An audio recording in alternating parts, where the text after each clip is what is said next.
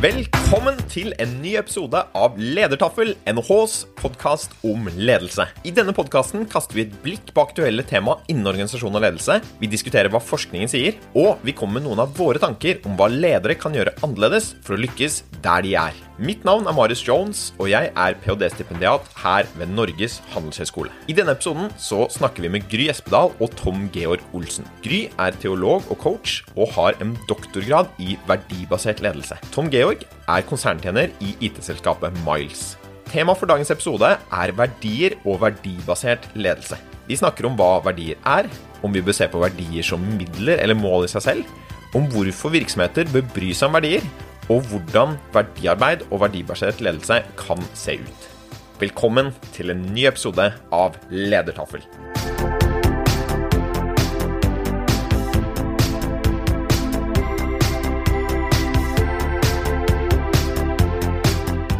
Da snakker vi om verdibasert ledelse, og med meg så har jeg Gry Espedal, som er teolog og coach med en doktorgrad i verdibasert ledelse.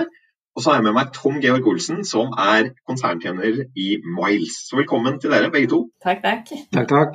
Og så har jeg selvfølgelig med meg deg, Therese Sveidrup, prorektor og fast podkastmaker, så velkommen til deg også. Tusen takk. Og I denne episoden her så skal vi snakke litt om hva verdier er, og hvorfor det er noe som organisasjoner bør bry seg med. Vi skal snakke om verdibasert ledelse og hvordan organisasjoner kan drive det som vi skal kalle verdiarbeid, som vi kommer tilbake til litt. Men jeg tenkte vi må først høre litt om deres bakgrunn, da, Gry og Tom Georg. Så Gry, du har skrevet en doktorgrad om verdibasert ledelse. Og hvordan ble det slik for deg at du endte opp med å forske på akkurat dette? Ja, altså vi har jo et eh, program med program i verdibasert ledelse her på VID, der som jeg jobber. Eh, så jeg var jo på mange måter nysgjerrig da, på verdier. Altså Verdier er jo på mange måter et begrep som brukes i veldig mange sammenhenger på veldig mange måter, egentlig.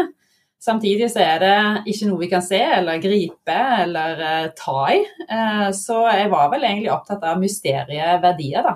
Kult. Og så tenker jeg vi skal komme veldig inn i det du sier der, da, om at det er litt sånn viktig, og så er det ikke gripbart allikevel. Som vi sikkert kommer nærmere inn på når vi snakker om verdier. Men uh, hva med deg, Tom Georg? Hva, hva, tenker du at verdibasert ledelse betyr for deg, og også for Miles, der hvor du er konserntjener? Ja, altså Verdier har jo på mange måter vært det vi har tuftet selskapet på. Og Det har på mange måter vært et sånt live-eksperiment på å se om eh, hvor langt eh, kan du dra dette med verdiarbeid i et selskap. Hvor mye kan du faktisk bygge en kultur av scratch basert på noen, noen kall det noen ord som du velger ved selskapets oppstart, eventuelt senere i selskapets liv. Um, så det, sånn sett så er det veldig spennende å se hvordan de to verdiene som vi satt i 2005, eh, faglig autoritet og varme, hvordan, hvordan, det faktisk har preget hele kulturen vår, atferden vår, beslutningene våre nå gjennom 15 år. Og jeg må jo bare skyte inn litt der, fordi at eh, jeg kom i dialog med Tom Georg. Det er jo tilbake i 2011 at jeg tok kontakt med, med deg, Tom Georg. Fordi at vi nettopp hadde fått nyss om dette konsulentselskapet, eller IT-konsulentselskapet, som, som, hadde beskrevet disse verdiene. Og jeg husker utrolig godt den første gangen jeg gikk inn på nettsiden til Miles, så sto det noe sånn som at hos oss får du IT-konsulenter med varme og faglig autoritet. Og det er et eller annet sånn kognitiv dissonans i hodet. Sant? En varm IT-konsulent. Hva i huleste? Hva er det dette betyr for noe? Og for oss forskere så er det jo gull. Sant? Hva i alle dager er dette? Dette må vi eh, gripe fatt i. Og Jeg tok kontakt med deg, Tom Georg, og vi hadde akkurat etablert et forskningsprogram opp mot næringslivet. Og så ble dere med som partnere i det. og Det har jo vært utrolig spennende for oss å, å følge. da. Ja, det var en, faktisk å legge til det at det var det var faktisk mye viktigere for oss også enn vi hadde tenkt. for det at Fra å leve litt sånn i vår boble med noe vi kalte for Miles-filosofien, mm. Eh, så kom disse tunge forskerne inn og på en måte satte en del ord på ting som, som vi bare følte. Ja. Uh, og hadde noen verdier. Og så, og så, hang de det på noen knagger for oss, med, med bl.a. servant leadership. da, som, mm. var den knaggen vi på en måte passet best til, ifølge forskerne. Så det var, en, det var veldig uh, lærerikt for oss å ha virkelig vært en verdi for oss, bokstavelig talt, i vårt arbeid etter det. Da. Vil, du, vil du si litt om bakgrunnen for det også, Tom Georg? Hva var det som gjorde at dere tenkte at dere skulle ha to verdier, og at dere skulle styre etter de? Jeg hadde jo vært leder i IT-konsulentbransjen i ca. ti år før vi startet Miles. Eh, så vi hadde jo en formening om hva vi ønsket å ta med oss av lærdom, og hva vi ønsket å legge fra oss. Eh, jeg startet dette med, med tre andre. To av de hadde vært konsulenter hos meg i det forrige selskapet. Og fjerdemann han hadde de jobbet med på et oppdrag i en større bank. da. og da var liksom, det vi, det vi diskuterte var ok, hvis vi skal starte et IT-konsulentselskap nå, og dette er da sommeren 2005 det finnes allerede ca. 200 IT-konsulentselskaper i Norge. Hva er sånn just another one, eller skal vi gjøre noe spesielt? Og da var Drivkraften oss, hos oss det var liksom å skape noe som var unikt og annerledes. Uten på noen måte å bli arrogant eller selvgode, men rett og slett bare lysten på å gjøre noe, noe annet. Og Da tenkte vi at eh, vi skal ansette, rekruttere én og én i vårt bilde av det, hvordan en optimal IT-konsulent kan se ut. Og da, da, satte vi de to verdiene. At, at faglig autoritet, um, og under det så ligger faglig dyktighet, faglig interesse. Men først og fremst folk som brenner for faget sitt. For vi er i en bransje som har enorm utvikling hele tiden. Og hvis ikke du har sterk interesse for faget, så kommer du til å bli hektet av. Uh, da må du slutte å sitte konsulent og bli leder. um, og så sa vi samtidig det at det å være konsulent er en spesiell rolle. Eh, I motsetning til å være en, en, fagperson sittende i en krok i et firma og bare komme til samme sted hver dag. Eh, så skulle konsulentene ut og kanskje evne å bygge relasjoner og gi energi inn i team. Uh, og, og, stadig vekk skifte kanskje også, selv om det viser seg i praksis at de ofte sitter på, på flere år om gangen. Men, men, i prinsippet i hvert fall så skal de komme ut og raskt skape relasjoner og dermed gi verdi til det miljøet de kommer til. Og Da blir den verdien varme. da. Og det ble mye, Vi fikk enormt mye pressedekning og sånn rundt varme. for IT-konsulenter ble jo sett på som litt sånn nerdete. Eh, de, var, de hadde liksom sine relasjoner med mus, tastatur og skjerm, og ikke med andre mennesker. Jeg syns det er spennende det du sier der, Tom Geir. for Der eh, snakker om at dere skulle finne den optimale IT-konsulenten. Og Når du da sier hva var den, og hva lette dere da, så leter dere da altså etter verdier. For det kunne du jo sagt noe annet også. ikke sant? At du kunne sagt nei, vi skulle ha noen ferdigheter, eller du skulle vært vanvittig gode i dette programmeringsspråket og sånn også, men at faktisk verdier er noe som kan hjelpe oss å levere mer verdi da, som virksomhet også. Og jeg tror det er, det er noe som vi må komme litt tilbake til her også, om, mm. om det er det, nettopp verdier er også. da, Noe som skal hjelpe oss å gjøre oss til en bedre virksomhet òg. Mm. Og Før vi går inn i det, så tenkte jeg egentlig, så vil jeg høre litt med deg, Gry. For du har jo forsket på dette med verdier og verdibasert ledelse. Jeg tenker at Verdier er jo noe som kan bli litt svevende og litt vanskelig å få tak på. Som du sier, vi kan ikke se det. Så hvis jeg spør deg, hva er egentlig en verdi? Hva, hva svarer du på det da? Det som jeg sa i stad, så er det jo mye. Eh, verdier kan knyttes opp mot eh, et produkt f.eks., altså, eller penger f.eks. Altså, eh, verdiskaping er jo et eh, ord som man brukes, eh, bruker mye på Handelshøyskolen f.eks. Hvordan kan vi jobbe for verdiskaping, bedre verdiskaping? Men så har vi jo, og da er jo verdier knyttet opp mot mer sånn økonomiske verdier. Men så har vi også humanistiske verdier, som er mer sånn hvordan vi, vi eh, kan eh, Eller hvordan vi har det mellom oss, på mange måter. Og jeg tenker jo det at eh, Altså Verdier kan knyttes opp mot det som betyr noe for oss. Eh, og i den sammenhengen så handler det gjerne om eh, standarder for hvordan vi ønsker at ting skal være. Eh, altså det, det, knyttes gjerne også opp mot lover og, og, regler for hvordan vi skal handle i forhold til hverandre. da. Så, så verdier kan bety veldig mye, men eh, jeg syns på mange måter det, det er de humanistiske verdiene som er mest spennende da. Hva er et eksempel på en humanistisk verdi da? Ja, altså varme f.eks. er jo da en veldig god og en spennende verdi sånn sett. da. Eh, vi ser jo at eh, når vi kommer til organisasjoner, da, så, så er det veldig mange organisasjoner som etablerer kjerneverdier. Eh, mm. altså 86% av alle organisasjoner har kjerneverdier. Men det vi ser, det er jo at det er gjerne toppledelsen som har bestemt seg for noe, og så har det veldig lite Altså det blir lite, lite grobunn i organisasjonen. Altså det, det, det, det, er liksom ikke noen kaskadetenkning. Altså det sprer seg ikke. Fordi at det er topplederen som har bestemt seg for det. Men eh, verdier i, i, organisasjoner tenker jeg må på mange måter ses på som en del av eh, interaksjonen eh, oss imellom på mange måter. Altså sånn som når Tom Georg sier at de da brukte det i, form, i forhold til en rekrutteringsprosess, så tenker jeg at da begynner de å bruke verdiene i praksis. Og det tenker jeg er en veldig bra tilnærming på mange måter. Det blir ikke bare en kjerneverdi som er noe man presenterer fint og flott på, på, hjemmesiden på mange måter, men også noe man etterlever i praksis. og det høres veldig spennende ut. Det er jo det vi blir litt nysgjerrig på, sant? når man, man, prøver å definere eller gå inn i akademien og si hva er verdibasert ledelse. For nå har vi diskutert veldig mye at det finnes noen verdier. Leder eller toppledelsen definerer noen verdier. Og så skal man drive med verdibasert ledelse. Og hva er det helt konkret? Gry, du har kanskje noen eh, Det er jo det doktorgraden din handler veldig mye om. Ja, altså verdibasert ledelse handler egentlig om å ta verdiene på alvor. Eh, det handler om å reflektere rundt verdier. Eh, jeg tenker jo at det er kjempeviktig. Jeg tror at en del ledere tråkker feil i organisasjoner, rett og slett fordi de ikke har vært klar over altså sterke verdier i kulturen på mange måter.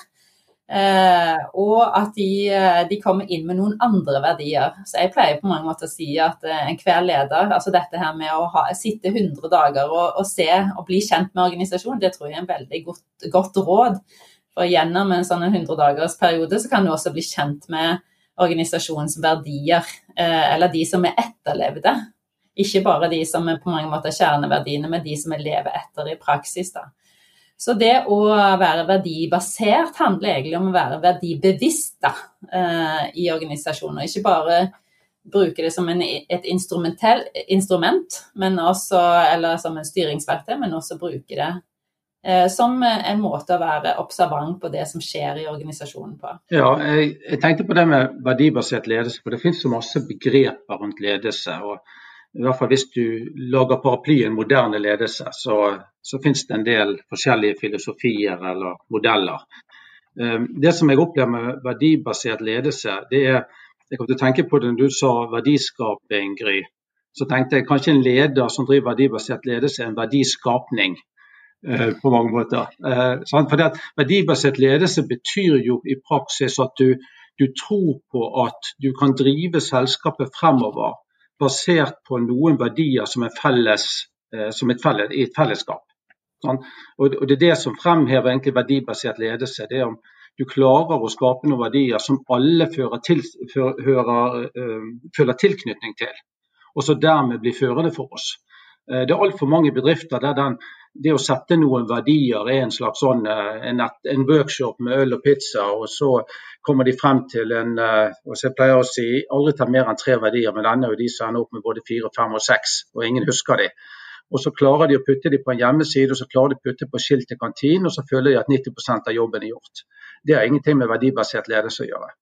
Så du må egentlig, du må egentlig være villig til virkelig å jobbe kulturelt med verdier, hvis, hvis verdier skal ha verdi, bokstavelig talt. Hvis jeg kan få lov å, å, skyte inn der, fordi at eh, som jeg sa innledningsvis, så har jo jeg fulgt Miles i mange år, og jeg fikk jo lov å intervjue en del av disse konsulentene som jobber i Miles, tilbake i 2012, tror jeg det var, Tom Georg. Eh, og noen av de eh, refleksjonene det skapte for meg, var jo nettopp det hva betyr det å være verdibevisst? Hva betyr det å lede gjennom verdier? Fordi at eh, det jeg spør meg ofte, er jo dette som du sa, Tom Georg, det med moderne ledelse. og det der, Vi hadde en podkast som het 'Lederløse organisasjoner'. Kan det å ha verdier erstatte en leder? Sant? Og når du da går ut og snakker med en markedskonsulent, og så spør jeg ja, i det daglige Du sitter her hos en kunde, du er ikke i interaksjon med din leder Tom Georg tilbake på, på uh, hovedkontoret. Nei, det er jeg ikke, sier han. Så sier jeg, men hvordan tar du da de daglige beslutningene på om du skal gjøre A eller B? Nei, da spør jeg meg sjøl. Er det varmt nok? Og er det faglig dyktig nok? Hvis jeg kan svare ja på de to spørsmålene der, så går jeg for det. Og for meg er jo det sånn, et eksempel på hvordan kall det en erstatning av en leder i seg sjøl, eh, gjennom verdier på hvordan du faktisk blir ledet i hverdagen din. Vil du si litt mer om det, Tom Georg? Hvordan det der ser ut? For Vi har jo snakket om noe sånn som du, Sigrid, om at det handler om å ta verdiene på alvor. Mm. Og, og du sier Tom Georg, at det er noe som skal drive selskapet fremover. Og, og det høres ut som også at det kan det kan være noe mer enn et styringsverktøy, men det kan også være et styringsverktøy. Da, noe som hjelper oss å ta valg i hverdagen. Så, så hvordan ser det ut i Miles når dere er, um, har varme og har faglig autoritet? Hvordan er det på en måte det påvirker hvordan dere driver virksomhet og hvilke valg dere tar? Ja, du kan si Den første, og som er den understreker den enkle delen av prosessen, det er, selv, selv om ikke er betydningsløst på noen som helst måte å finne de rette verdiene, men, men det er likevel en ganske avgrenset oppgave å sette noen ord noen verdier, og kanskje til og med sette en visjon, en hel setning, eh, som for oss er en fremragende arbeidsplass i vår visjon. Um, uh, men det som, er, det som, gir virkelig verdi, da, for å bruke det uttrykket igjen, det er når du klarer å oversette det til atferd. Og, det som jeg har funnet viktig, det er at når du starter et selskap, så er det nesten sånn at det er ofte de som er ledere, er jo de som ofte starter selskapet. Um, og, og, da setter man jo noen verdier. Sant? Og så kan man si OK, deretter så driver vi rekruttert-basert, uh, verdibasert rekruttering. Dvs. Si vi rekrutterer folk inn som enten har en sånn, value, uh, en sånn culture fit eller culture add. Så styrker de kulturen vår, eller klarer de minimum å tilpasse seg kulturen vår. Og kulturen det er på en måte atferden av verdiene. Så det, det, vi har gjort med, med forskjellige mellomrom, det er at vi har invitert de ansatte inn til å si hvordan lever vi faglig autoritet? Hva er det du gjør når du lever den verdien? Hva er det, hva er det du gjør når du lever varme? Sånn? Og Da oversetter vi det til faktisk uh, implementering. Sånn som f.eks. varme betyr skal, Varme kan være et internt og eksternt. Hvis det skal være varme internt, så betyr det at vel, når du kommer på et sosialt arrangement hos Miles med ansatte, og du ser et fjes du ikke har sett før, så går du faktisk bort og hilser på den personen. Sånn? Altså, for den til å føle seg vel, det er varme. Når du kommer til et nytt team ute hos kundene, så presenterer du deg. Så går du rundt og hilser på disse folkene og, og sier hvem du er, og hva, hvordan du jobber, og hva du kan og hva du ikke kan. Så, så det, liksom, det oversettelsen fra et verdiord til atferd, det er der på en måte clouet ligger.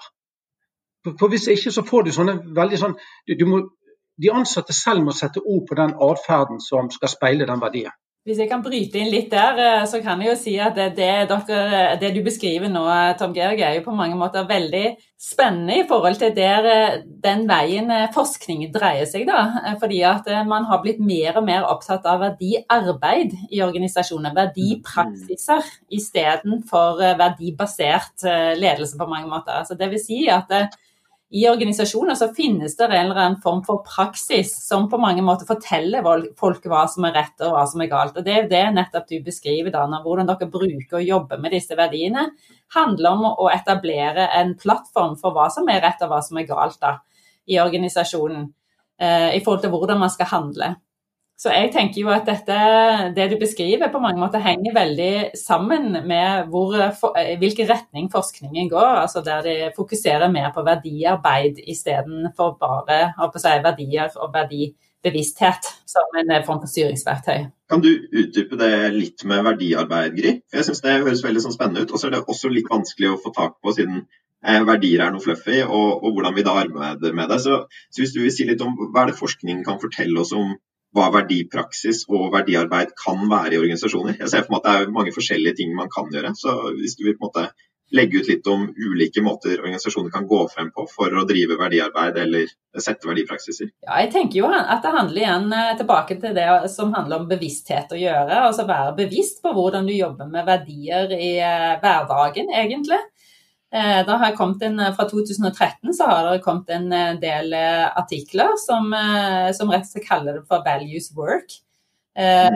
Og som på mange handler om å identifisere ulike praksiser organisasjoner har, som kan være en form for verdiarbeid i praksis. da.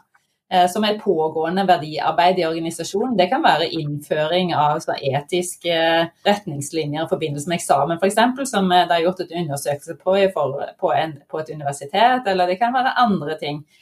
Og jeg tenker når jeg leste på Tom Georg og Miles sin side om, om det å dra altså og hele tida ha noe sosialt for de ansatte, altså ta med de, eh, sosial, altså, de ansatte ut på noe sosialt en gang i måneden, som det står at dere gjør, så, så tenker jeg at det er på mange måter en form for verdiarbeid. Altså da, da, er man med på å underbygge det som har med verdiene i selskapet å gjøre, altså som handler om varme og, og eh, faglig autoritet.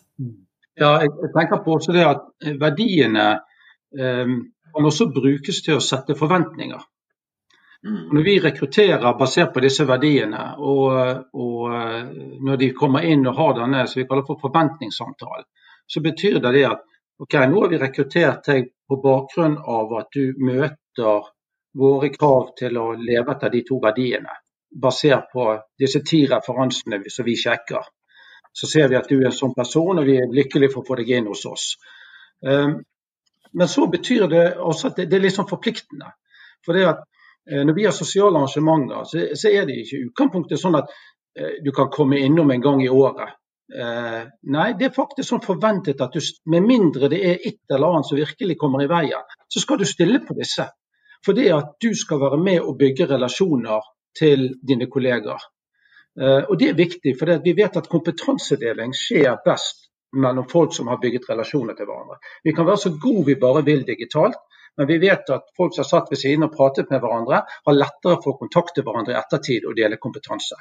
Så litt av den innsats, innsatsfaktoren som du må legge ned og, og jobbe med, det er at ja, du må holde deg faglig oppdatert, og du får veldig frie tøyler. Du kan velge selv hvilke konferanser du skal dra på, hvilke kurs du skal ta. Du trenger ikke lederinvolvering i det hele tatt. Men det ligger en forpliktelse, en forventning til at du holder deg faglig oppdatert. Og det ligger en forpliktelse, forventning til at du er et medmenneske, at du bryr deg om kollegene dine, at du får lyst til å bli kjent med dem, etc. etc. Så det fungerer også som et sånt rammeverk. Hvis jeg kan få lov å skyte inn der, så har vi i tidligere episoder snakket om eh, noe av den forskningen jeg har eh, gjennomført som handler om den psykologiske kontrakten. Mm. Og Det er jo der Tom Georg òg, når vi møttes første gangen, Tom Georg, så var du veldig sånn tydelig på at ja, det er sånn jeg leder gjennom den psykologiske kontrakten. Og det er, handler jo nettopp det å gjøre ting som gjerne ligger uuttalt mellom mennesker, forventninger vi har, og så jobbe gjennom å gjøre det mer uttalt. Mm. Og I psykologisk kontraktsteori så har man skilt mellom at man har en kontrakt om at gi arbeid for å få lønn, en veldig transaksjonell kontrakt. Og så har man snakket om en relasjonell kontrakt, at eh, jeg er her hele livet hvis du bare er lojal tilbake og jeg gir tillit osv. Men det dere beviser, er jo denne nye typen psykologisk kontrakt som er kommet i akademia, som heter verdibaserte kontrakter. Nettopp at du har en forventning om å prestere på noe annet enn det som gagner deg sjøl, men noe som ligger over oss, disse verdiene. Og så sier jo dere veldig tydelig at jeg forventer noe tilbake. Her hos oss kan du få det fritt, og du kan eh, gå på de kursene du vil og, og, få spennende jobbmuligheter. Men du må faktisk stille på disse sosiale arrangementene. Du må bry deg om dine kolleger. Så, sånn sett for eh, medarbeiderne så blir det veldig tydelig for hva som er gi og ta-forholdet for å få mm. oppfylt disse verdiene. Og det, jeg tenker det blir veldig fint å bruke det rammeverket rundt psykologisk kontrakt. fordi at de dannes jo enten man vil det eller ikke. Fordi at vi er sånn, vi mennesker, at vi er basert på et gi og ta-forhold. Jeg gir inn A for å få igjen B. Og så blir det veldig ofte ullent i et arbeidstaker- og arbeidsgiverrelasjon, mens her hos dere ser jeg det som veldig tydelig og synlig. Jeg syns jo at det er veldig spennende det du sier, Therese. fordi at det, i det du beskriver, så er det noe som på mange måter ikke nødvendigvis heller er uttalt på mange måter. Altså det er en del ting som er uuttalt her. Ja. Og i det så tror jeg på mange måter verdiene spiller en rolle, da. Eh, jeg ser jo at i en del organisasjoner så sier f.eks. at det, det, sitter noe i veggene her. På mange mm. måter. Og det er jo med på å underbygge at det er noe i organisasjonen som er med på å påvirke det som skjer. Og når man etablerer eller eh, går inn i en eh, relasjon i, på, i, i forhold til en eh, arbeidsplass, så, så, er det jo mye som man ikke helt har eh, kontrollen på. Og det vi har sett i noen sammenhenger, det er jo at, eh, at ledere faktisk har blitt eh, kasta ut. Altså kulturen har tatt livet av lederne på mange måter. Fordi de ikke har skjønt hva som sitter i veggene. Fordi de ikke har skjønt hva, hva er disse her psykologiske kontraktene her, eller hvordan verdier er med på å påvirke det? Ja, jeg har vært mye engasjert i fotball opp gjennom årene. og Der kaller man ofte å miste, når trenere mister garderoben. Ja. Uh, og Det var egentlig det du er inne på, på Gry. da.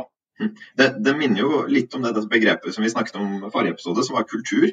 Og Der var det jo noe som ble sagt om at kultur spiser strategi til frokost. Og Det er jo kanskje litt den krasjen som dere beskriver der også. da, at Hvis du er en leder som kanskje da representerer strategien, men så har du kulturen i virksomheten eller verdiene i virksomheten som, som, dreier seg om noe helt annet. Og når de går på tvers, så er det kanskje denne kulturen som, eh, som blir sterkest. da, Sånn at man mister garderoben eller blir kastet ut av organisasjonen også.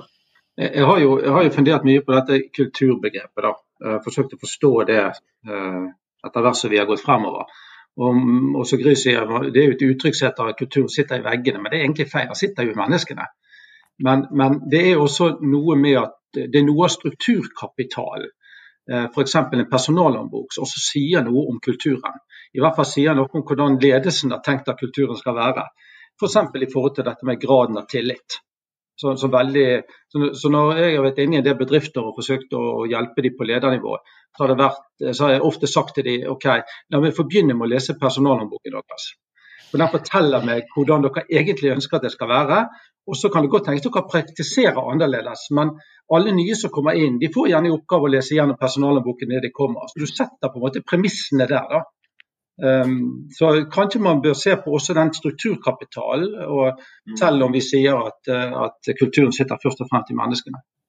En ting som, som jeg tenkte på, som, som jeg syns er litt krevende om å forstå kulturbegrepet, eller ikke kulturbegrepet, men verdibegrepet, det er om vi skal tenke på verdier som midler eller som mål i seg selv. Og Der tenker jeg man kan ha liksom begge perspektiver, men jeg tror de ofte blir blandet. Og jeg tror det er årsak til en del forvirring rundt verdier.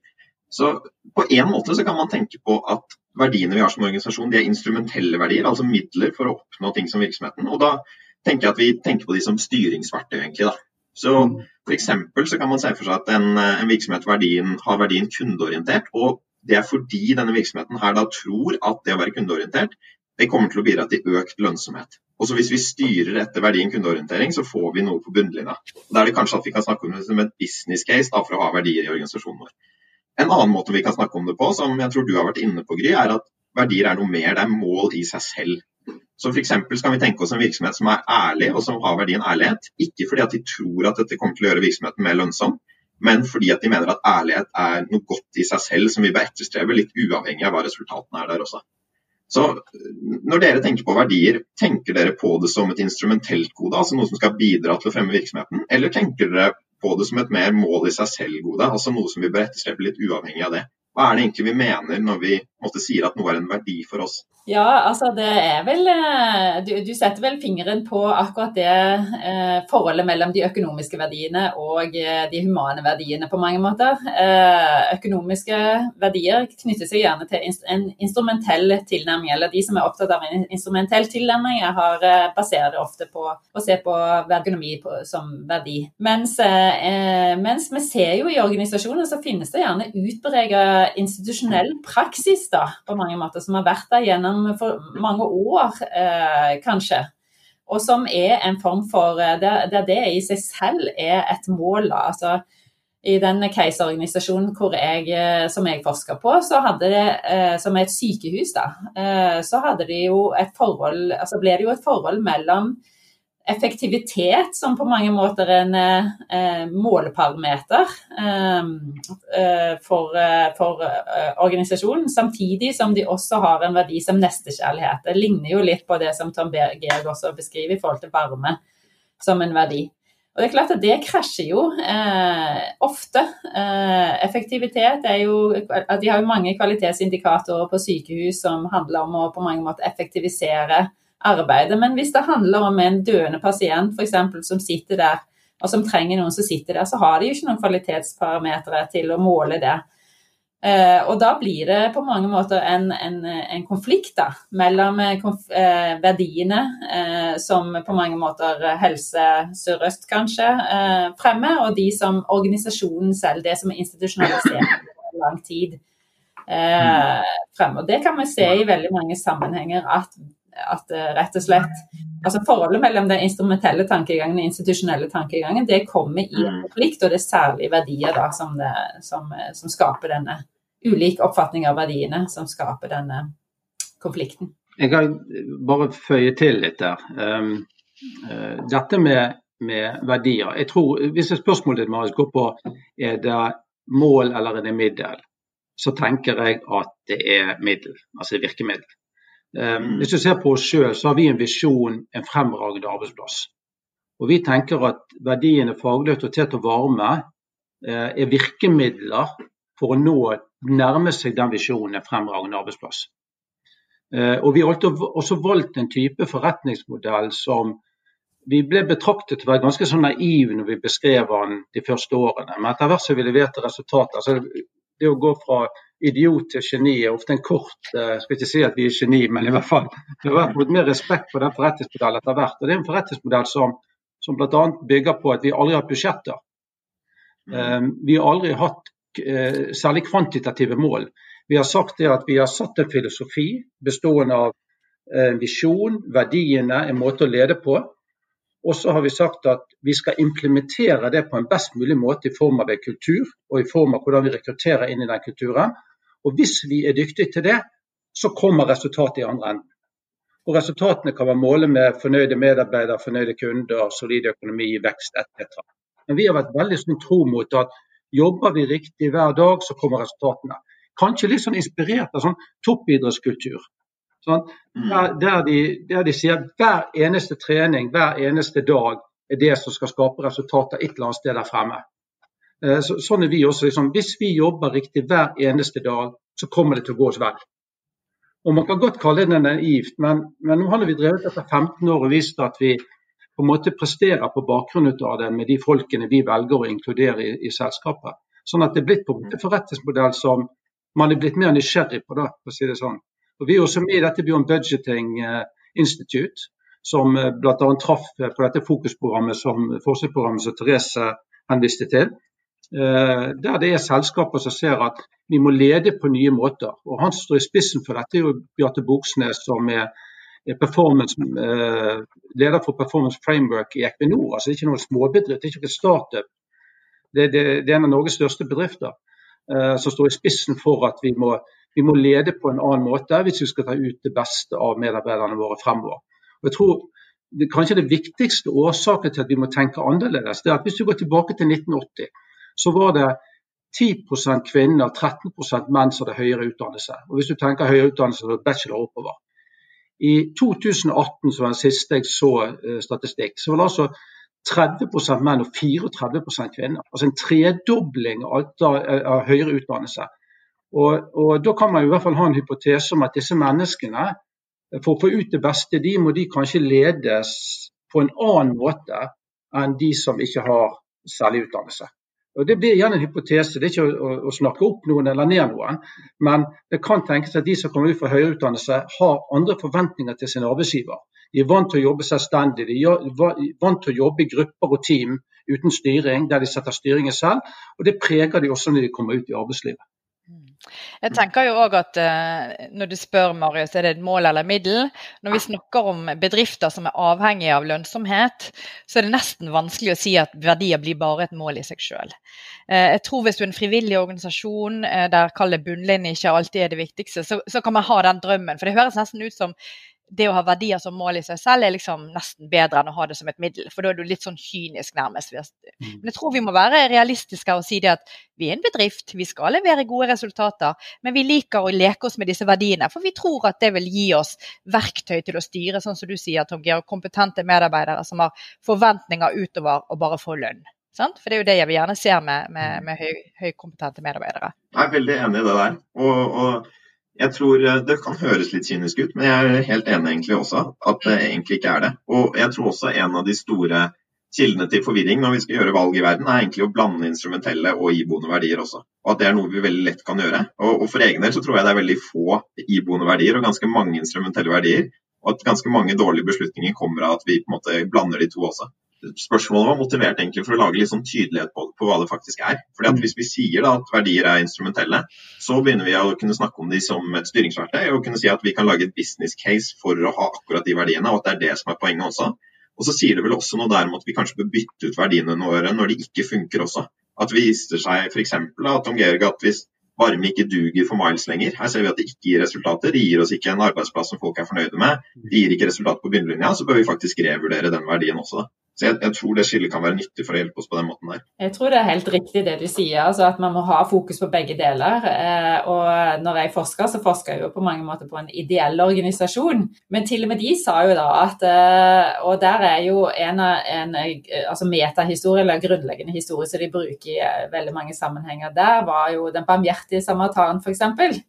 Men eh, så sa jo lederen for organisasjonen at uh, han refererte til Margaret eh, Thatcher, som en gang sa at den barmhjertige samaritan hadde jo ikke vært interessant hvis han ikke hadde hatt penger òg til å betale for det.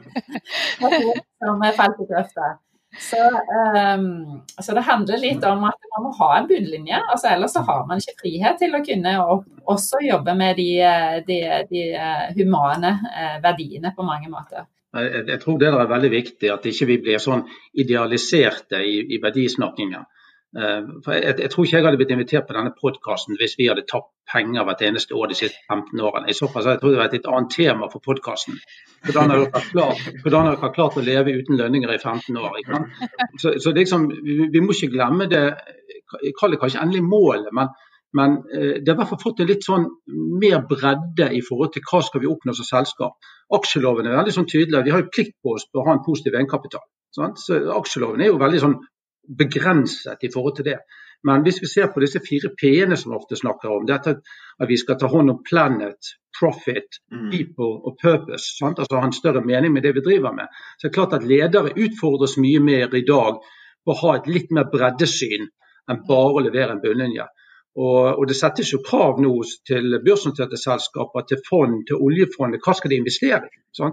Så jeg tror at det, jobben for, for, eh, spesielt toppledere er blitt mye mer krevende i forhold til at de skal levere på mange flere akser enn bare det å skape aksjonærverdier på den gamle måten. Ja, Det er i hvert fall helt opplagt. og det, Jeg synes jo noe av det med Vi har snakket om disse to verdiene dere eh, forfekter, da, sant? varme og faglig autoritet. Men det finnes jo veldig mange verdier. Og, og det interessante kanskje, ikke Gry om du vil svare, finnes det noen eh, dårlige verdier? Eh, kan, kan, du nå som Jeg har en doktorgrad i verdibasert ledelse, så nå kan jeg gå rundt i organisasjonen og si nei, det var en dårlig verdi, det var en god verdi. Altså, hva, hva kan vi si om det? Nei, det er jo et godt spørsmål, men jeg tenker jo at det finnes egentlig ikke dårlige verdier. Vi kan ikke sette minustegn foran verdiene. Eh, men, eh, men det finnes verdier vi ikke er enig i. Okay. Eh, sånn at, eh, og det kan vi jo se Hvis en skal ta et, stort bilde på dette, her, så kan vi jo se på f.eks. For forholdet mellom eh, Trump og, på den ene siden i USA og Jacinda Arden i New Zealand f.eks. Og håndteringen av koronasituasjonen, hvor Trump på mange måter litt sånn individualistisk da, sier at han ikke vil spre frykt og Derfor så holder han tilbake noe av sannheten knyttet til eh, hvordan denne situasjonen påvirker oss.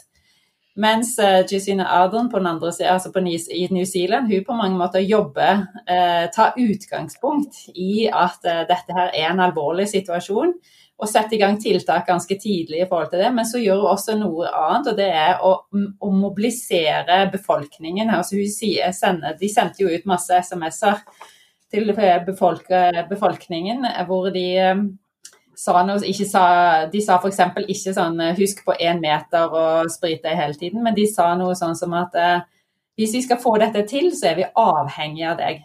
Sånn at det var en helt annen tilnærming, en sånn kollektiv tilnærming til at dette må vi stå sammen om å få til. da.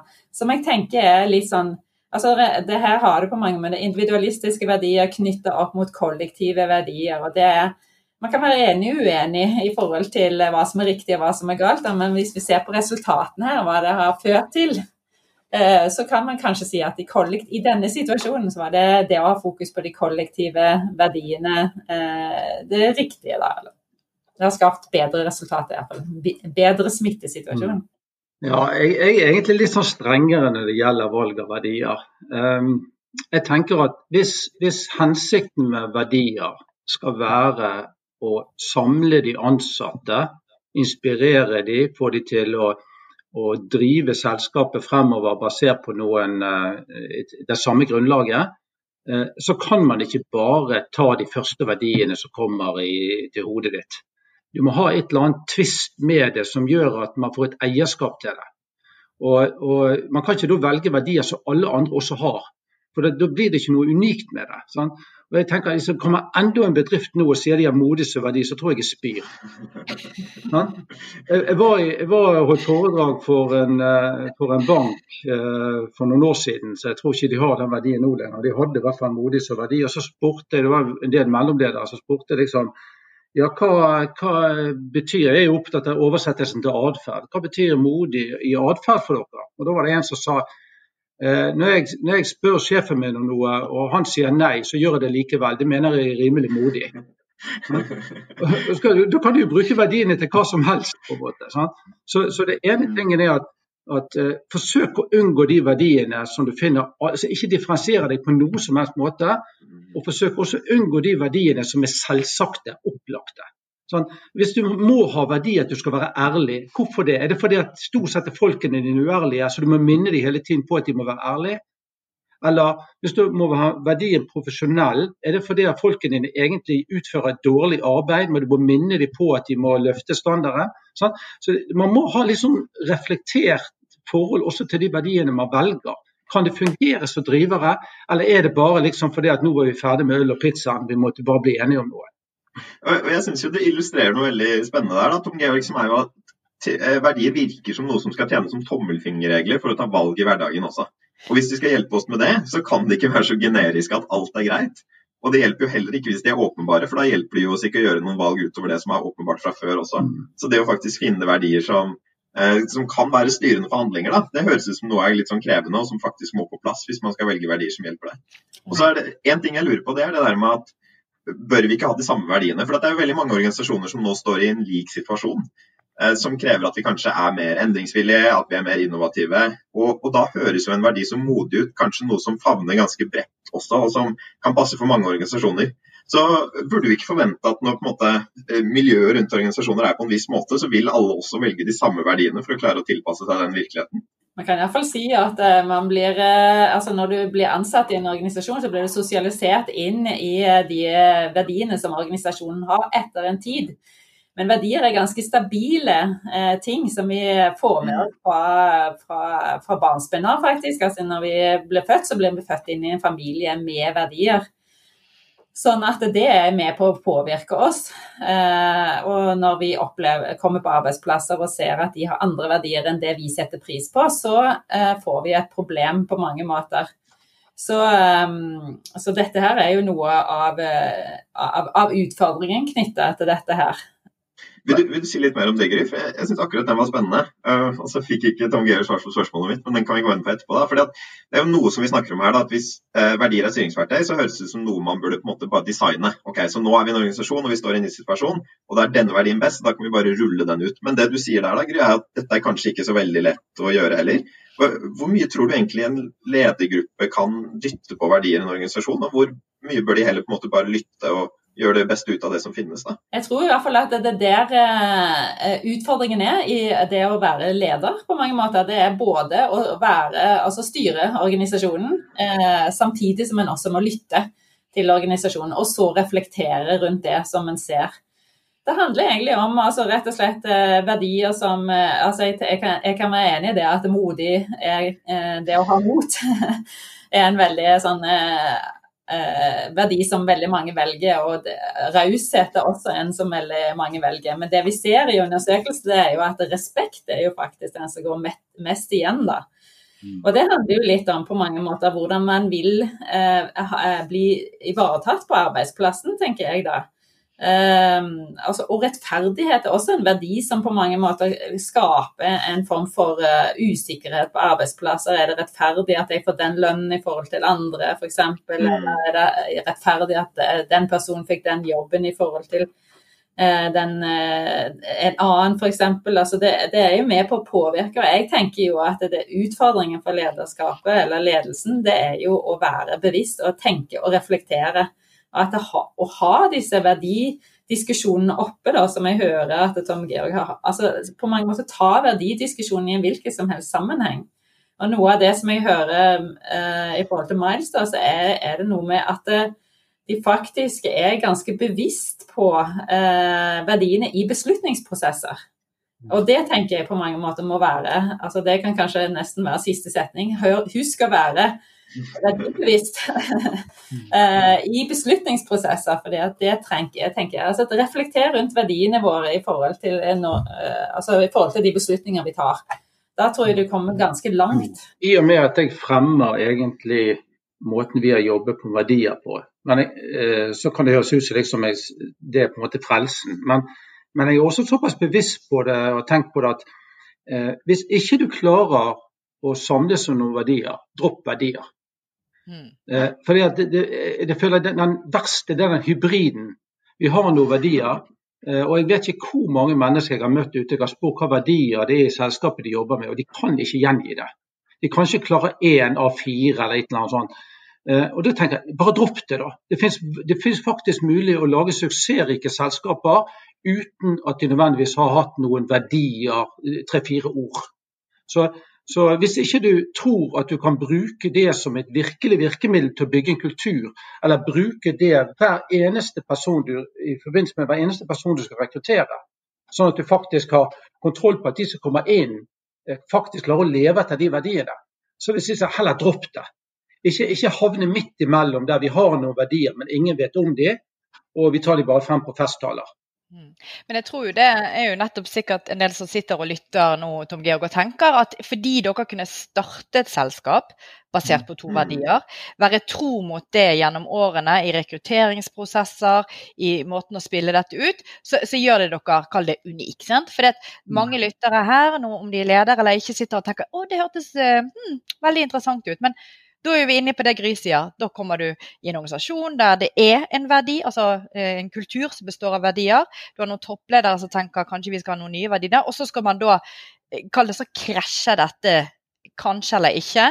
Og så er det liksom det komplekse i å, å, å, rulle dette ut. Og det er da det man liksom tenker oi, hvor begynner man da? Og vi, dere, Kanskje vi skal ta den når vi går inn for landing her også. Hvor begynner man da? Fordi at uh, Våre lyttere er jo ledere ute i næringslivet og andre i næringslivet som uh, nå har kommet til veis ende på denne podkasten og lurer på hvor skal jeg begynne når jeg skal arbeide med verdier i min organisasjon. Så hvis vi helt avslutningsvis vil dere ta tre punkter hver som dere tenker at ledere kan ta med seg, hvis de vil gå fram med å drive verdiarbeid eller verdibasert ledelse? Ja, altså det blir litt kjedelig da, hvis jeg sier f.eks. at les en bok om verdibevisst ledelse. det er faktisk det, fordi at dette handler om verdirefleksjoner man må gjøre. Sånn at det handler noe om å og rett og slett bli bevisstgjort. Eh, mm. samtidig så er det også et eh, ord som, eh, som, vi har brukt i noen eh, verdibaserte ledelsesdefinisjoner, som handler om å ha økt oppmerksomhet rundt verdisensitivitet. Da. Og jeg liker det ordet. altså Det å ha en eller annen form for verdisensitivitet på arbeidsplassen. Eh, altså Tilbake til det som eh, Tom Georg sa i forhold til å reflektere rundt verdiene i beslutningsprosesser. Så jeg tenker det å ha, altså lese, lese litt, uh, ha en verdisensitivitet og diskutere, reflektere Uh, med kollegaer, med andre, i, styr, i uh, altså ledergrupper, med ansatte. Det spørsmålet får jeg ganske ofte når jeg utholder foredrag. Det er liksom ja, men vi starter ikke fra scratch av i morgen. Eh, vi har en kultur, vi har sånn og sånn. Og så sitter de gjerne med en følelse av at verdiene er ikke blitt så viktige som de skulle ønske. Mm. Um, og da tenker jeg OK, går det an å restarte på noen måte? Og, og det som i hvert fall jeg tror er mulig, da for det at Hvis du bare restarter Jeg jobber bl.a. Med, med å hjelpe firmaer med å innføre tillitsbasert ledelse. Uh, og, og, så har jeg vist i uh, filosofien bak det, i hvert fall sånn som jeg tenker. Og så har jeg vist i en verktøykasse som er tilpasset Miles. Jeg sier at Filosofien hadde tatt med meg hvor som helst verktøykassen hadde bygget opp på bakgrunn av den bedriften som jeg hadde vært i. Og Det de av og til har gjort, for ett eksempel, de tok et av verktøyene og innførte det, og medarbeiderne skjønte ingenting. Så de fikk ingen effekt ut av det. Eh, fordi at de, de forsto ikke filosofien bak. Og Hvis jeg skulle eh, gått inn i en bedrift i dag, og jeg har gjort dette gjennom styrerommet noen ganger, men gått inn i en bedrift da og restarte på, på, en måte, så ville jeg kanskje kjørt en prosess der ville lagt en del ting dødt og sagt at OK, akkurat nå, i dag, fra i morges klokken 09.00 så hadde vi ingen verdier. Sånn uttalte verdier. Men kjørte da en prosess og sier at når vi er på vårt beste i vårt kultur, i vår kultur, når vi er på vårt beste, hva er det da vi gjør? Hvordan er vi med hverandre? Hvordan er vi med kundene? Og så la folk uten å å la seg låse til enkeltord, for det er ofte litt sånn avgrensende, men bruke hele setninger på hvordan er vi med hverandre når vi er på topp. Når vi viser oss sjøl på vår beste side. Når vi virkelig lykkes mot kunden osv. Og, og så satt ned en gruppe til å trekke ut ekstrakten ut av det og se klarer vi da å finne da etter min mening maks tre verdier som speiler alt det nå vi har fått vite om hvordan vi er når vi er på vårt beste. Så det kan være en prosess som man kan kjøre i en etablert organisasjon. Herlig. Tusen takk for innspillet. Jeg syns dette her var eh, nydelig, i grunnen. Både med at vi, eh, som jeg har opplevd, har klart å trekke dette ganske fluffy begrepet verdier litt ned på jorda. Og også at vi har klart å lande litt hva det faktisk betyr å jobbe med verdier, og hva verdibasert ledelse også kan være. Da. Så tusen takk for at dere kom, Gry og Tom Georg. Takk. Takk for at vi fikk komme.